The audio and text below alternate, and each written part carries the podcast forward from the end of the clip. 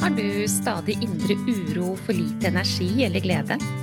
Ønsker du kartet for endring i dette? Hver episode er dedikert til å gi deg gullnøkler for livsglede og ro.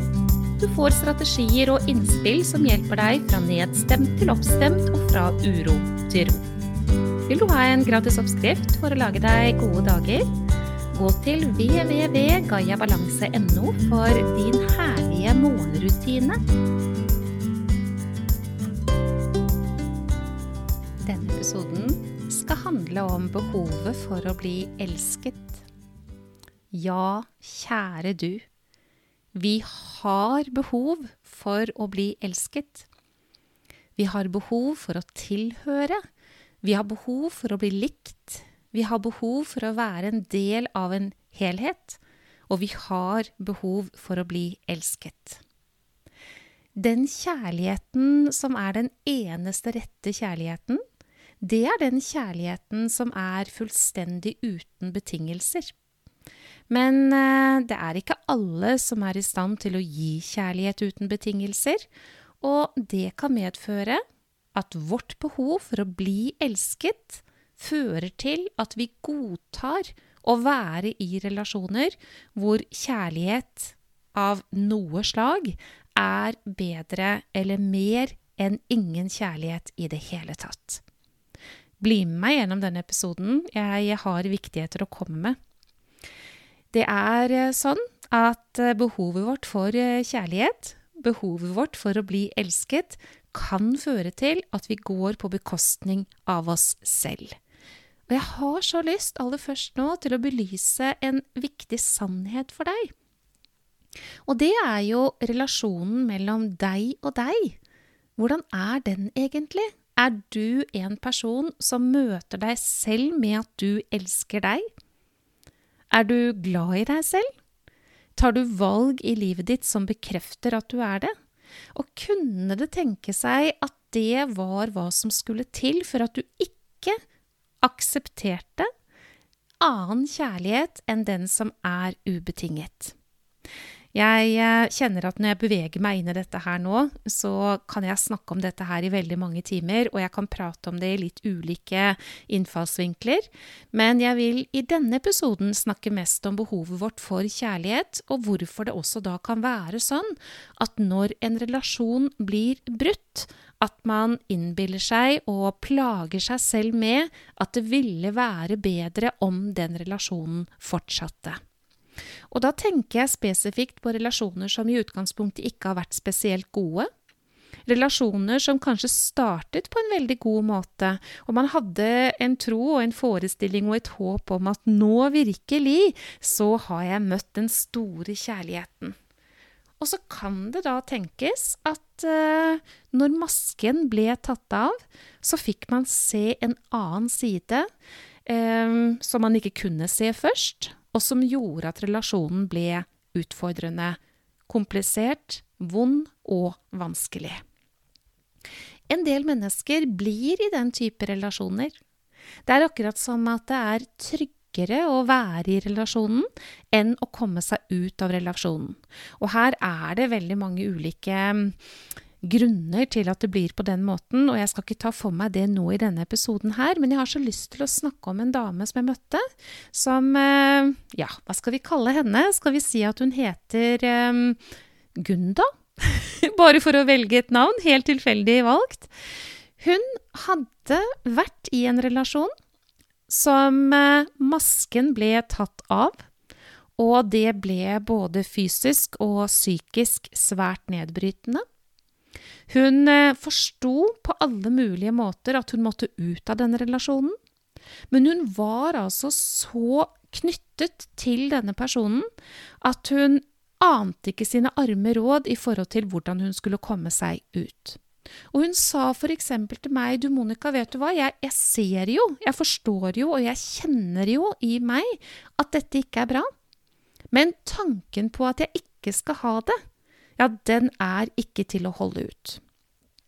Nå kom hun dit, og det fikk hun veldig god hjelp til, fordi denne personen som da hadde tatt av seg masken, ble veldig krenkende i forhold til hennes nærmeste. Når vedkommende da begynte å krenke når det gjaldt hennes barn, ja, da var det faktisk nok for henne. Da våknet eh, løvemamma og fikk av seg eh, ja, solbrillene og, og, skylappene. Og det hun hadde sett allerede, det ble da veldig tydelig for henne. Hun satte foten ned, satte en grense og kom seg ut av relasjonen. Men så skjer jo det. At hun ble helt knust. Hun var altså så lei seg. Hun gikk inn i en stor sorgprosess som hun ikke ante hvordan hun skulle komme seg ut av. Og i dyp fortvilelse så fortalte hun til meg for eksempel Jeg kan bare ikke glemme han. Og jeg vet ikke engang om jeg vil glemme han. Jeg vet at ikke det skal være oss, jeg vet at det ikke går, jeg vet at dette her ikke er noe annet enn ødeleggende for meg. Men uh, allikevel, jeg lengter etter de fine stundene, jeg føler meg så ensom, og selv om jeg ikke vil ha han, for jeg vil ikke ha et menneske som krenker. Én ting er at han krenket meg, men når han begynte å krenke mine barn, ja, da gikk det for langt, vet du. sånn snakket hun veldig tydelig.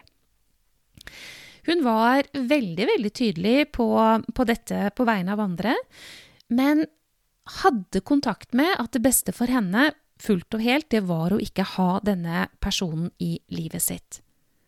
Men hvor kommer denne lengselen fra, da? Hvor kommer denne sorgen fra? Hvor kommer denne ensomhetsfølelsen fra? Som kunne spille henne et stort puss, virkelig, den kunne alt dette her, kunne få henne til å tenke at det var bedre at han var i livet hennes enn ikke. At det var bedre at hun fikk de smulene og kunne holde ut det som ikke var bra, enn å ikke få noen ting. Jo, kjære du, det ligger ligger mest sannsynlig mye i behovet for å bli elsket. Og i starten av deres relasjon så hadde det jo vært de gode ting, ikke sant? Hun hadde følt at hun var viktig, hun hadde følt at hun fikk omsorg og kjærlighet, og hun følte absolutt at på alle nivå og alle plan så hadde hun det bra med vedkommende. Men det var før masken falt. Det blir en illusjon fordi man har hatt taket i det, og så vil sinnet forsøke å fortsette å fortelle at sånn kunne det fremdeles ha vært. Nei, dette behovet for å bli elsket, det er så grunnleggende for oss at vi kan bli lurt trillende rundt, inntil vi er så bevisste og møter de følelsene som da oppstår i oss selv i dette, og ser hva det er som faktisk er hva.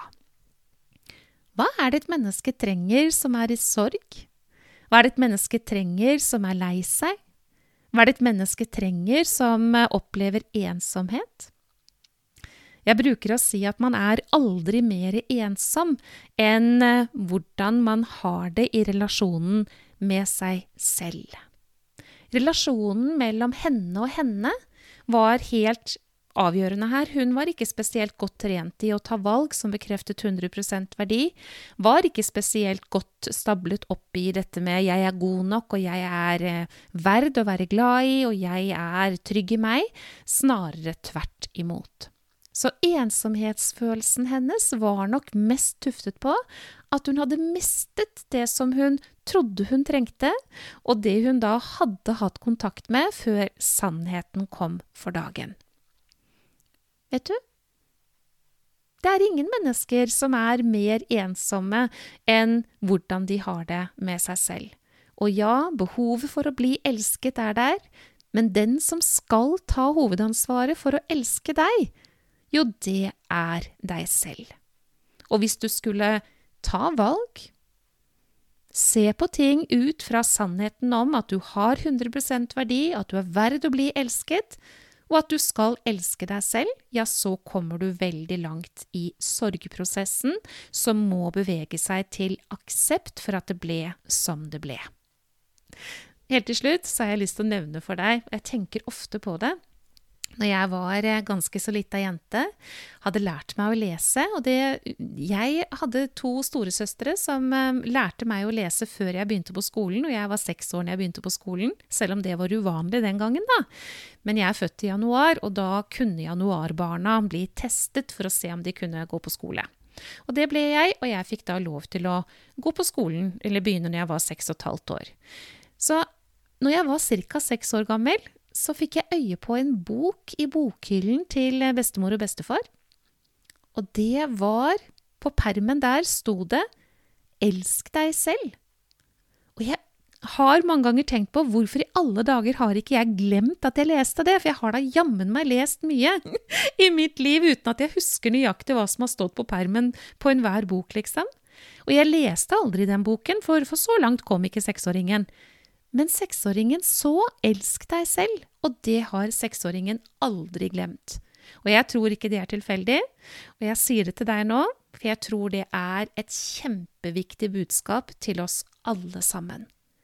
Elsk deg selv så høyt at det å få ubetinget kjærlighet fra andre mennesker, ja, det er en ren bonus.